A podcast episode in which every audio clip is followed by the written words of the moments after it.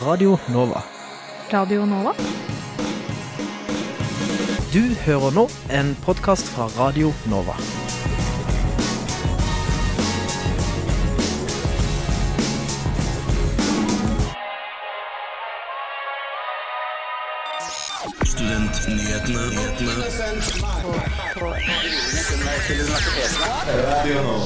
Hei, hei, og velkommen til Studentnyhetene. Mitt navn er Martin Mathias Nøding, og med min side har jeg Marius Stenberg. Og vi har en flott sending til dere, vet du. Først, eh, JURK har fått eh, Jenteprisen. Det skal vi selvfølgelig snakke om, og vi har med oss gjester. Og så eh, besluttet universitetsledelsen denne uken å stenge en eh, klinikk for eh, psykologistudenter. Og det stormer nå blant de ansatte og studentene rundt på campus. Vi har også snakket med en ekte dumpster-diver. Og eh, statsbudsjettet har eh, kommet. Eh, Jeg tror ikke NSO er fornøyd. Det får vi høre mer om når de kommer, litt senere. Det ble stor jubel for studentorganisasjonen JURK, juridisk rådgivning for kvinner, da de onsdag ble tildelt Jenteprisen 2017. Den gleden skulle bli kortvarig. I regjeringens forslag til statsbudsjett for neste år foreslås det å kutte JURK og Jussbuss med 1,2 millioner kroner. Det står for en fjerdedel og en tredjedel av tilskuddet deres. Med oss har vi to fra JURK, eh, og jeg lar dere introdusere dere selv. Ja, tusen takk. Hei, hei. Mitt navn er Andrea Daae Bjørndal. Jeg heter Julia Snellingen. Fint, fint. Eh, dere fikk jo Dere er jo eh, saksbehandlere, så vidt jeg har skjønt. Hva Det innebærer det? Ja, det er en veldig variert jobb. Eh, Det ligger jo litt i ordet at vi jobber med saker som vi får inn til eh, JURK, eh, og jobber med å behandle de. Og jeg og Julia jobber i en gruppe som heter VOF, så vi jobber med vold, gjeld, fengsel og pengekrav. Så det er våre rettsområder, da. Men så har vi fire forskjellige grupper på huset, på en måte, som jobber med ulike områder. Og da er dere også studenter. Yes, studenter fra eh, Ja, jusstudenter som har kommet litt ute i jusstudiet. I tillegg til eh, saksbehandlingen, som Andrea forteller, så driver vi også med rettspolitisk arbeid. Eh, og driver med kampanjer og rettighetsinformasjon, eh, holder foredrag rundt om i landet. Og prøver å spre kunnskap om eh, ja, juridiske rettigheter til kvinner. Eh, ja, og uh, for hvorfor er dette så viktig uh, for, for jenter å egentlig ha denne spesielle ordninga? Det som jeg vil si, er jo at vi får jo en unik innsikt i hvordan på en måte den nåværende materielle jussen påvirker mennesker, da. Og da spesielt en gruppe som ikke har mulighet til å få hjelp andre steder, som har et udekket rettshjelpsbehov. Eh, og vi gjennom vår saksbehandling så ser vi jo på en måte tendenser og hva som skiller seg ut, og hvem som trenger hjelp, og hva som trenger forandring, og det bruker vi som grunnlag i vårt rettspolitiske arbeid, da. Så det er fortsatt eh, Vi ser jo fortsatt i forhold til på en måte vårt kvinneperspektiv, da. eh, at det er et stort behov på mange områder for å nettopp fortsette å jobbe mot likestilling. Mm. Og nettopp gjennom saksbehandlingen se at eh, kvinner gjerne kommer uheldig ut i, på flere rettsområder. Ja, riktig. Ja, Det er litt om dere. Eh, men eh, da var det tirsdag da, altså dere fikk denne Jenteprisen 2017, som ble delt ut av Plan Norge. Gratulerer med det. Gratulerer, må jeg Det si. veldig gøy. Eh, hvordan var den opplevelsen å få den prisen?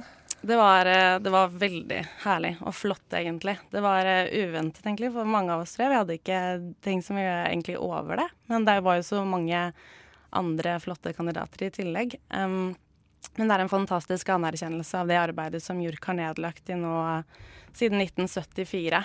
Har eh, damer og kvinner, studenter, holdt på dag inn og dag ut med mye frivillig arbeid, og det er lange dager, det er eh, varierte arbeidsoppgaver, det er press, det er, eh, ja, det er omfattende. Så det er utrolig flott å se at, det, at samfunnet ja, verdsetter det vi gjør, da, rett og slett. Mm. Men så eh, i går ble jo statsbudsjettet for neste år eh, lagt fram, og, mm. og dere kuttes jo da betydelig. Eh, hvordan eh, var den, den nedturen da etter å ha fått Jenteprisen? Ja, nei, det var jo en dag med Det var jo litt svingninger, da, kan du si. Eh, fordi at eh, nå er det jo sånn at eh, alle de spesielle rettshjelpstiltakene er kuttet, så selve den posten er kuttet betydelig. Eh, også sånn akkurat for oss så har jo dette mye å si, fordi det er 1,2 millioner kroner, sånn omtrent. Og det er liksom en tredjedel av våre driftsinntekter, rett og slett, og det vi driver på daglig basis. Så det, det var på en måte veldig overraskende for oss, da. Og at uh, det har mye å si for oss. Det betyr mye. Så ja. Hvordan vil det påvirke deres daglige drift hvis dette her går gjennom? Eh, helt konkret så vil det kunne ha veldig store konsekvenser. Både for JURK, men for alle rettshjelpstiltakene Norge rundt. Så, så, er det mye diskusjon om hvordan man egentlig skal kunne fortsette. Vi vil jo ikke ha mulighet på noen måte til å fortsette driften som vi gjør i dag. Jeg og Andrea begynte i JURK for noen måneder siden og kom til et velsmurt, veldrevet eh, og drevne mm, saksbehandlere. Og grunnen til det er jo at vi har ressurser til å ha nok folk til å lære opp de nye. Ting kan gå rundt. Vi har en fagrådgiver som vi har ansatt.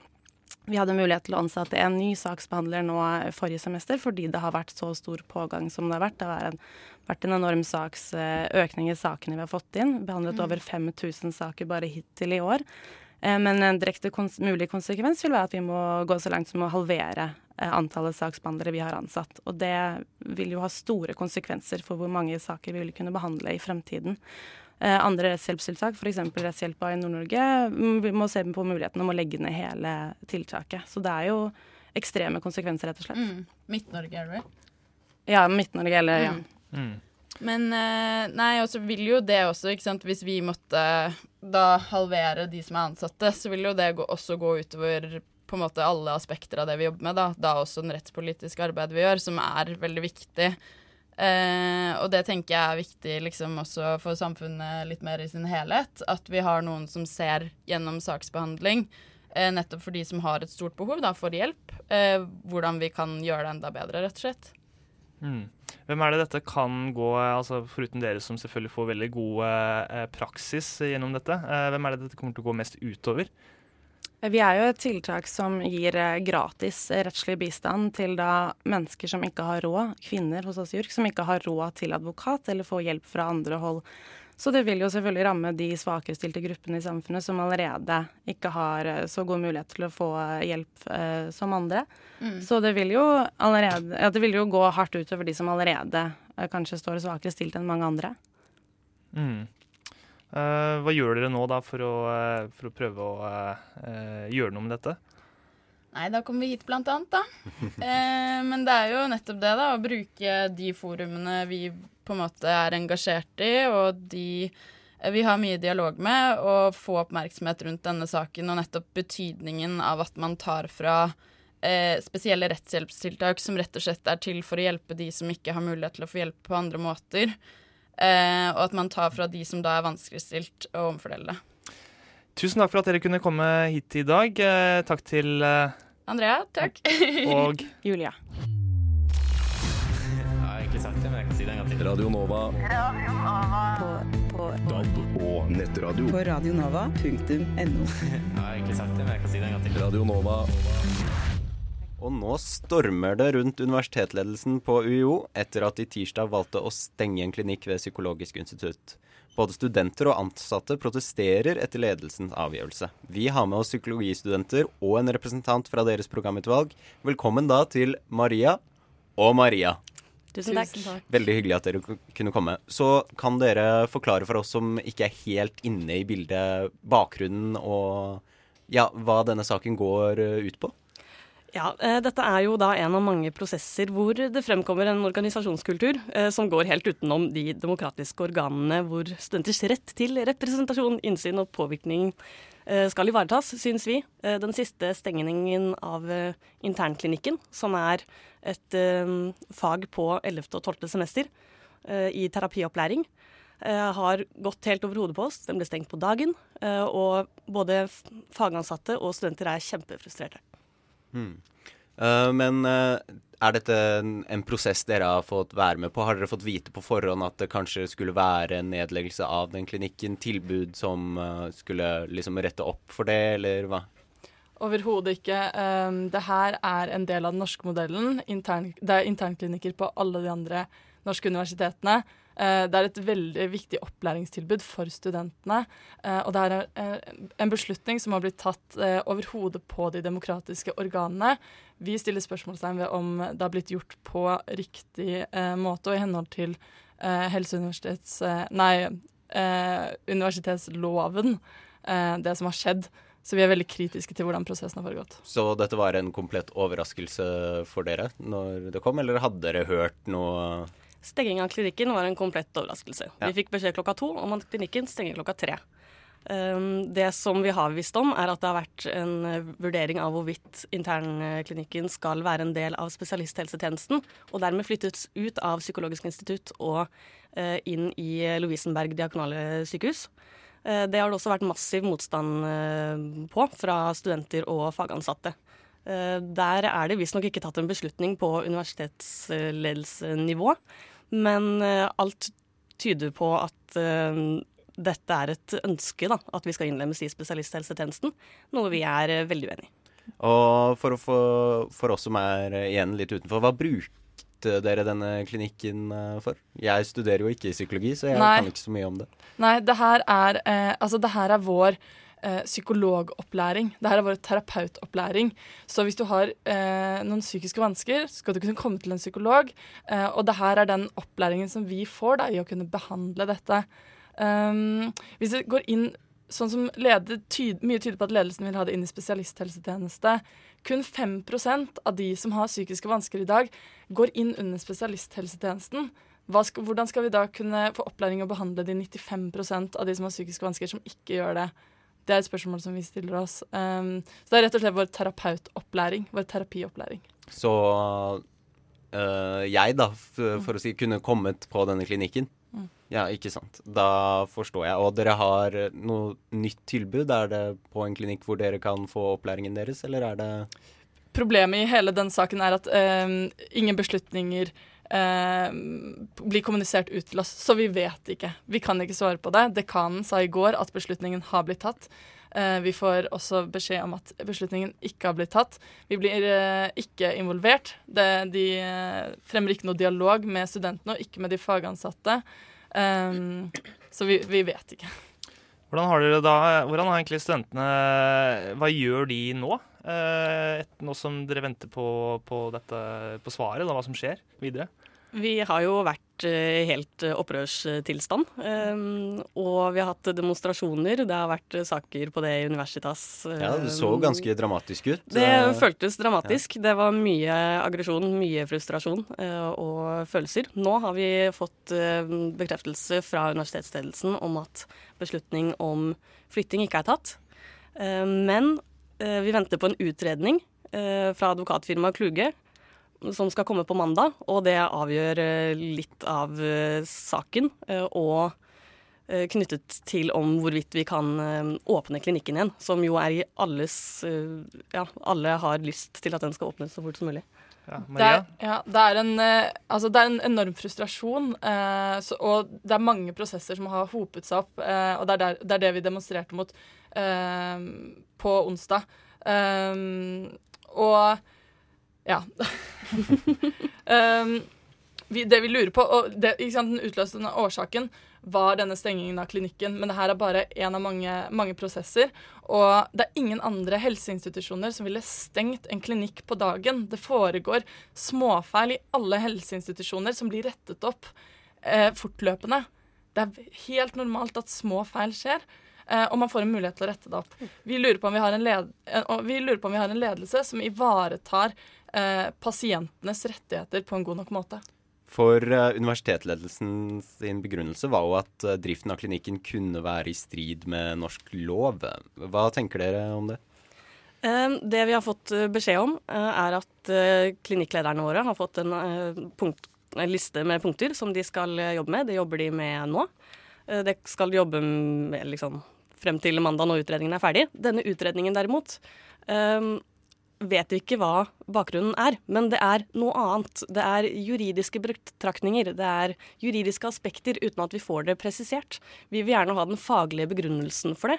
Um, nei, ikke faglige begrunnelsen for stenging, men um, den juridiske begrunnelsen, mm. fordi det er veldig diffust. Hadde det vært noe konkret, så kunne vi uh, svart på det og tatt stilling til det, men vi vet ikke hva det dreier seg om. Ing, I ingen andre helseinstitusjoner så ville man stengt eh, en helseinstitusjon. Man ville ikke stengt Rikshospitalet proaktivt.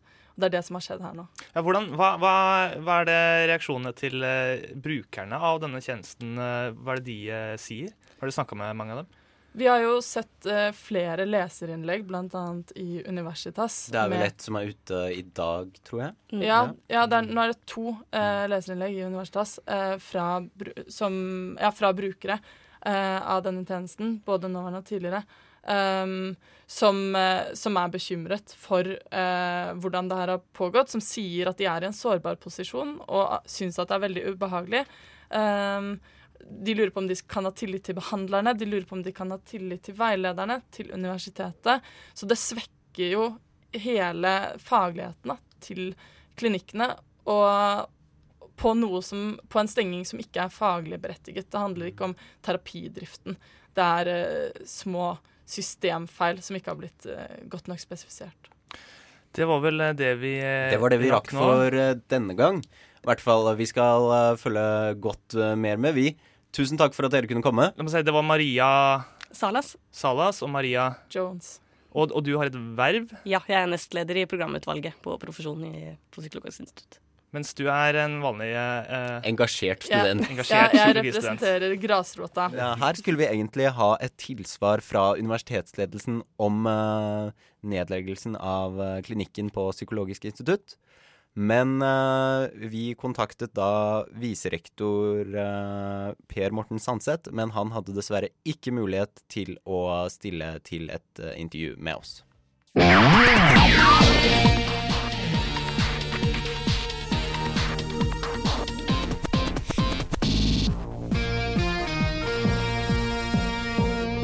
Roy Steffensen fra Frp blir ny leder av Stortingets utdannings- og forskningskomité.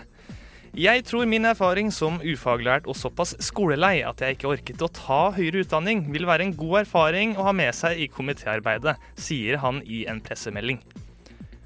Julie Levang var student ved barnevernsutdanninga på Høgskolen i Oslo og Akershus, men slutta fordi hun mente studiet har for dårlige rutiner for sensur og veiledning og informasjon.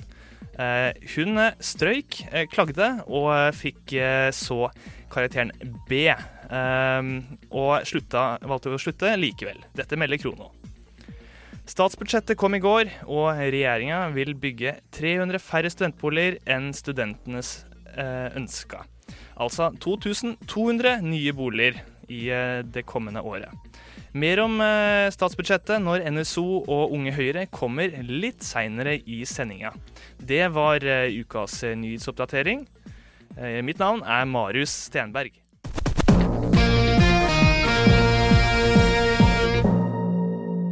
Dumpsterdiving, hva er det for noe? Skal jeg gå og finne mat i søppelkassen min? Nei da. Vår reporter Reporter har møtt den 23 år gamle studenten Kristin Føyen, som driver med dumpsterdiving. Hun forteller hvorfor det kan være lurt, og hvordan man skal gå fram om man vil starte med det. Det begynte vel egentlig med at jeg hadde mange venner som drev med det. Og så hadde jeg aldri prøvd det selv, så tenkte jeg jeg må jo finne ut av det. Så da dro jeg og kjæresten min sammen. Det var veldig morsomt. Det er jo ganske spennende, egentlig. Og så var det jo litt sånn kult hvis man kan faktisk slippe å kjøpe mat og bare finne det i søpla. Det er gratis, det ligger der, liksom. Samtidig som at man også vet at det er så utrolig mye mat som kastes, og så blir det ikke brukt til noen ting, og det bare ligger der. Kristin Føyen studerer sosialantropologi på Universitetet i Oslo, og hun har drevet med dumpsterdiving i ca. fire år. Forteller at om man skal drive med dumpsterdiving, eller søppeldykking på norsk, så finnes det noen ting det kan være lurt å tenke på. Man må jo for det første gjøre det når butikken er stengt, eller det er det beste. Da er det ofte mørkt. Så det virker på en måte kanskje litt sånn lugubert. Si klokka elleve da, når butikken er stengt, eller halv tolv, man drar ut, og så har man med seg eh, poser, er smart i hvert fall, og litt sånn klær man ikke er så redde for. Det er jo lurt å dra til butikker som ligger litt utenfor sentrum. Det er det ofte større sannsynlighet for at de er åpne og liksom lettere tilgjengelige. Da. Hun forteller at det ofte kan være lurt å sjekke ut nærområdet sitt når man skal starte med dumpsterdiving og at når man blir mer rutinert, vet man hvilke steder man skal gå for å finne forskjellige typer matvarer. Det første som er kanskje lurt å gjøre, sjekke de butikkene i nærheten av seg selv, og så utvide etter hvert hvis det ikke holder. på en måte. Mat er dyrt i Norge, og for studenter uten jobb kan det fort gå i minus på kontoen om man skal kjøpe alt man spiser. Du kan jo bare leve på dømsmat. Det, det har jeg også flere venner som på en måte bare har gjort det en periode, bare for å prøve det. da. Ikke fordi de trenger det økonomisk, men fordi de bare tar det som utfordring da, og sjekker det, liksom. Og det, det, går helt fint. Og veldig ofte så finner du jo mye mer enn det du klarer å spise selv. Og da er det jo på en måte veldig kult å enten gi det videre eller eh, si fra til de andre at her er det sykt mye kom og hent, liksom. For mange studenter er det òg vanskelig å ha et sunt og godt kosthold, men det er kanskje lettere å klare om man dumpsterdiver? Altså, du finner jo alt mulig rart, så sånn sett så får du et mye bedre kosthold ofte som student, da. Fordi du får jo veldig sånn luksusvarer da, som du kanskje vanligvis ikke ville kjøpt. Kristin har også noen tips når det kommer til hvilke typer matvarer man bør ta med seg, og hvilke man kanskje skal la ligge. Grønnsaker er jo alltid sånn Det finner man veldig mye av, og det er veldig ufarlig. Eh, der ser du på en måte om det er råttent eller ikke. Veldig tydelig. Det er veldig lett å skille mellom måte det som er bra og ikke. da. Eh, og veldig mye er jo pakka inn i plass, så det er jo som å på en måte bare egentlig gå i butikken. Andre ting som man kanskje man må være litt mer forsiktig med, er sånn kjøtt og fisk. Det er kanskje ikke noe man burde begynne med. Det kan man jo heller hvis man føler seg komfortabel nok etter hvert og vet liksom stoler på sansen vet at man klarer å skille mellom eh, matvarer uavhengig av dato, så er det absolutt Men det er liksom anbefaler ikke å begynne med, da. Hun forteller at meieriprodukter kanskje er lurest å la ligge i sommeråret, men på vinteren kan det være fullt brukende. Videre forteller hun at det er viktig å tenke på hygienen når man kommer tilbake med maten. En annen ting som kanskje er lurt å huske på, da, er etter at man har samla all maten eller ja, hatt med seg en sekk tatt i poser og sånn. Når man kommer hjem, så er det jo en ganske stor jobb. Da må man legge inn i hvert fall en time på bare vaske. Skylle maten godt, da. Sånn at man ikke har noen bakterier man ikke vil ha der, inni kjøleskapet. Og også veldig lurt når man faktisk tar med seg maten, at man tenker over hvorfor ble denne kasta, og så på en måte ut fra det vurdere om man kan ta den eller ikke, da. Da fikk vi litt informasjon om dumpster diving, så da er det vel bare å spenne på seg treningsklærne og hoppe ut i nærmeste container, Marius. Har du uh, holdt på med det? Jeg har prøvd det litt ut, jeg. Jeg har blitt uh, servert mat som var fra dumpster diving, uten å få vite på forhånd at det var det. Det er jo kanskje litt frekt, men du ble ikke dårlig, ble du? Nei, det var jo veldig godt, men det hadde kanskje vært bedre å informere meg først. Du hører, hører på, på Radio Nova. Radio Nova. N-O-V-A Nova. Listen to me. Yo, are you listening? Radio Nova. Eh, velkommen til eh, NSO og eh, Unge Høyre, som skal da snakke om statsbudsjettet. Det ble jo lagt fram neste år på Neste års statsbudsjett ble lagt fram på Stortinget i går. Eh, med oss i studio har vi eh, to unge folk som kan eh, forklare litt mer hva det betyr for studentene. Hjertelig velkommen til Mats Beldo, takk, takk. leder av Norsk studentorganisasjon, og Syver Hanken, som da er sentralstyremedlem i Unge Høyre. Takk for det. Velkommen. Og Mats, dere har jo lenge hatt noe som dere kaller for studentkravet. som Ja, hva, hva er, hva er det det går ut på?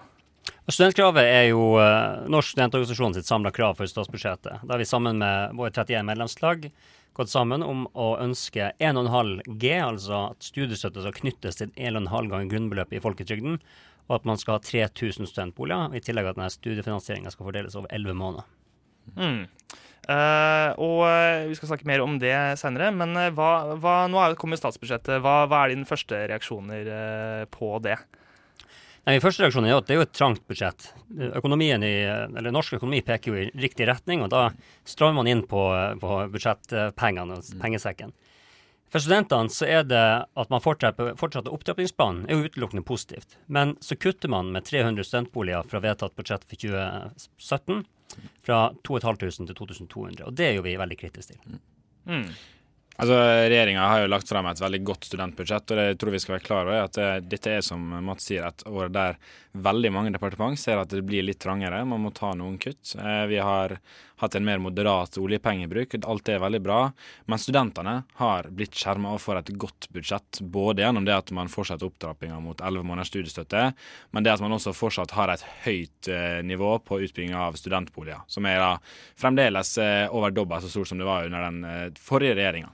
Det var jo ikke helt eh, det dere hadde sett for dere, Mats? Nei, det var det ikke. Torbjørn eh, var jo en av de som tok eierskap til budsjettforliket som var i desember 2016, hvor man ble enig med KrF og Venstre om å bevilge 2500 studentboliger. Og De lovte mer. Høyre gikk til valg på å bevilge mer studentboliger. Altså 2501.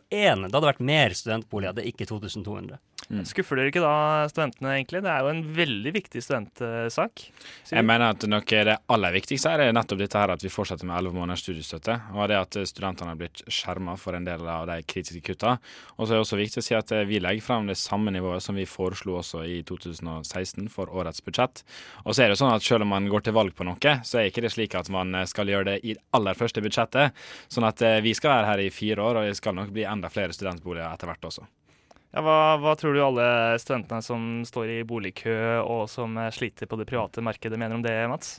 Jeg tror at de, eh, de er usikre. Det var 12 000 studenter som sto i eh, boligkø ved semesterstart i år. To uker inn i semesteret så var tallet fortsatt på over 9000, som viser at det er veldig mange som begynner studiene med en uforutsigbar bosituasjon.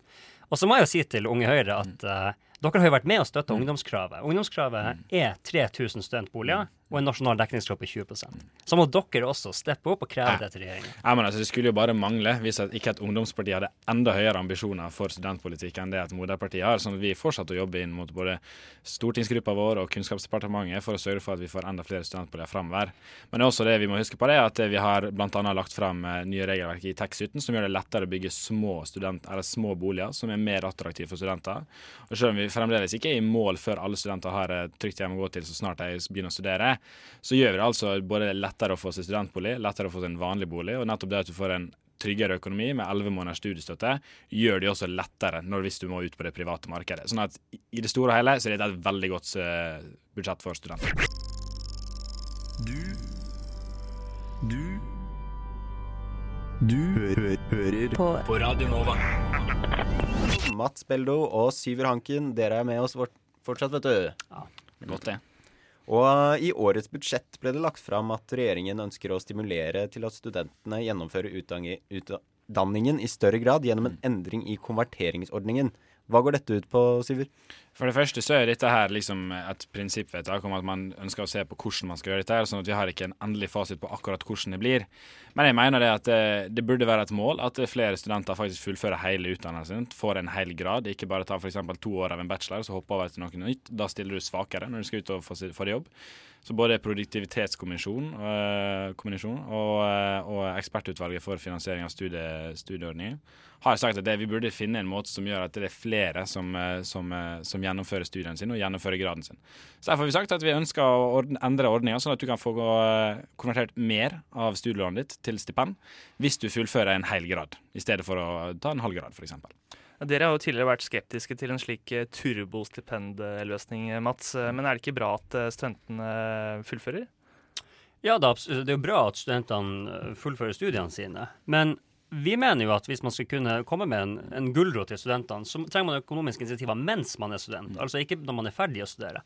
Noe man knytter til gjennomføringsgraden på studiene, er jo faktisk det at det er veldig mange som har en deltidsjobb. Studiebarometer viser at gjennomsnittlig studenten jobber mellom syv og ti timer betalt arbeid ved siden av studiene, i tillegg til at man bruker 40 timer på faglig organiserte og uorganiserte aktiviteter. Så man tror man, jeg tror man må stimulere heller med en økt studiefinansiering som tilrettelegger at man kan være heltidsstudent og bruke sin tid på lesesalen og på universitetet. Mm. mm. For det første så er ikke dette her et turbostipend. Dette her er et stipend som belønner at du har fullført en grad, mens turbostipend vil gjøre at du gjør det på normert tid, som ikke er en del av denne ordninga her. Eh, for det andre så mener jeg at det er fullt mulig å ha to tanker i hodet samtidig. Nå ser vi jo at eh, kjøpekraften til studentene går opp. Etter veldig mange år med nedgang så har vi nå eh, økt økt kjøpekraften til studentene det siste året. Det er fortsatt nå med økt, innføring av 11 måneders studiestøtte. Men i tillegg så må du også kunne se det at hvis du har veldig mange studenter som f.eks. tar en halv grad, så er ikke det bra verken for, student, for oss studenter eller for samfunnet. Det, man, er, man, er, tjent med at folk fullfører de gradene man har begynt på. Og Da tror jeg at det kan være en god idé å se på hvordan kan vi belønne de studentene som gjør dette her også. Ja, uh, fint. Uh, det er jo eh, bevilga mer penger til både offentlige universiteter og høyskoler de, og de private høyskolene. Hva vil disse pengene i praksis si for studentene? Nei, altså det det, vil, det det sier, er jo at hvis vi tar den ene grunnbevilgninga til, til, sektoren i sin helhet Nå øker man basisstøtta med 400, nesten en halv milliard, fordi at man endra finansieringssystemet i, til jul som gjør at man får gradsprogresjonfinansiering og ikke studiepoengsproduksjonsfinansiering. Så, og her er jo et insentiv som gjør at kanskje institusjonene må legge til rette for kanskje bedre læringsmiljø for studentene, så at man trives bedre på studiene og kanskje flere fullfører. Mm. Uh, det var mer i støtte, men det var også kutt, uh, bl.a. i studentorganisasjonene. Uh, er dette bekymringsverdig? Det er jo viktig at man kan drive med politisk aktivitet for å kunne representere sine grupper. Og Da må det også tilrettelegges for at man kan drive politisk aktivitet med et godt budsjett. Mm. Altså, jeg mener også det at vi, vi må være klar over at det er et veldig trangt budsjett, som Mats innleder med å si. Vi må ta noen prioriteringer. Når vi da får et fortsatt høyt nivå på studentboliger, utbygging av studentboliger, når vi fortsatt får innføring av 11 måneders studiestøtte, så må man ta noen prioriteringer noen plasser. Og det er alle vi som har prøvd å få et studentbudsjett til å gå opp på privaten, vet at vi også må ta noen prioriteringer når vi får opp et litt større budsjett. sånn at selv om det alltid er kjedelig, så er det også nødvendig å ta noen prioriteringer. Ja, jeg jo den rette termen det er ingen som får et studentbudsjett til å gå på privaten. Nei, nettopp. det kan jo ha eh, store konsekvenser for mange studenter organisasjoner. Vi hadde jo JURK eh, med tidligere, mm. uh, og de, eh, de, blir jo kutta. Og det kan jo føre til at de må legge ned en avdeling i uh, i uh, Midt-Norge. Uh, er, ikke det, er ikke det ganske Får ganske mye konsekvenser for uh, folk? Er ikke det ganske dumt? Ja, altså Jeg har full forståelse for at det er kutt som oppleves dramatisk, spesielt for de som sitter nært på det. Men her er liksom et spørsmål om det at skal du, skal du kunne fortsette den satsingen vi har hatt på både studentøkonomi, på studentboliger, men også på, på, forskning og utvikling, som vi også har økt bevilgningene veldig mye de siste åra, så må du også ta noen prioriteringer. Så selv om jeg forstår at det liksom oppleves dramatisk, så tror jeg nok det er nødvendig. Ja, noen flere kommentarer til statsbudsjettet? Jeg vil jo si at uh, Vi er jo fortsatt kritiske til at man kutter med 300 studentboliger. Men det de sier i regjeringa, er at de ønsker å se på tilskuddsordninga og støtteordninga, og ikke minst rammekostnadene på studentboliger. Og det blir veldig spennende å se på hva man finner ut der. For nå er det jo sånn at man har en ramme på rundt 800 000 kroner for å bygge en studentbolig, og det er veldig mange studentboliger som ikke blir bygd for bakgrunn av at kommunen gjør det vanskeligere å holde seg under denne kostnadsramma. Så det er en, en prosess vi er veldig spent på å følge opp. Ja. Uh, det var det vi rakk uh, fra dere i denne runden, i hvert fall. Men tusen takk for at dere kunne komme. Syver Hanken, sentralstyremedlem uh, i Unge Høyre, og Mats Beldo, leder i NSO. Studentforeninga JURK, eller Juridisk rådgivning for kvinner, har helt fra 1974 jobba systematisk for et mer rettferdig og likestilt samfunn. I år så fikk de Plan International Norges jentepris. At JURK belønnes med årets jentepris, er velfortjent. Sammen med studentforeninga Jussbuss så spiller JURK en viktig rolle både på et rettspolitisk plan og ved å tilby fri rettshjelp til dem som trenger det. Arbeidet som nedsettes er helt uvurderlig og setter viktige problemer på dagsorden. Regjeringa på sin side de ser tilsynelatende ikke helt verdien av dette her. I statsbudsjettet som ble lagt frem i går, så foreslås det ifølge Universitas et kutt på 1,2 millioner til JURK og Husbuss. Noe som tilsvarer omtrent en tredjedel av tilskuddet for JURK og en fjerdedel for Jussbuss. Å kutte penger til JURK og Husbuss, det er det samme som å kutte penger til tilgang til fri rettshjelp. Det er å kutte gode praksismuligheter for jusstudenter. Og det er å kutte penger til to studentforeninger som bidrar til en helt essensiell kritikk av rettspolitikken. Det er ingen tvil om at JURK og Jussbuss fortjener priser. Men kutt, derimot, det fortjener de ikke.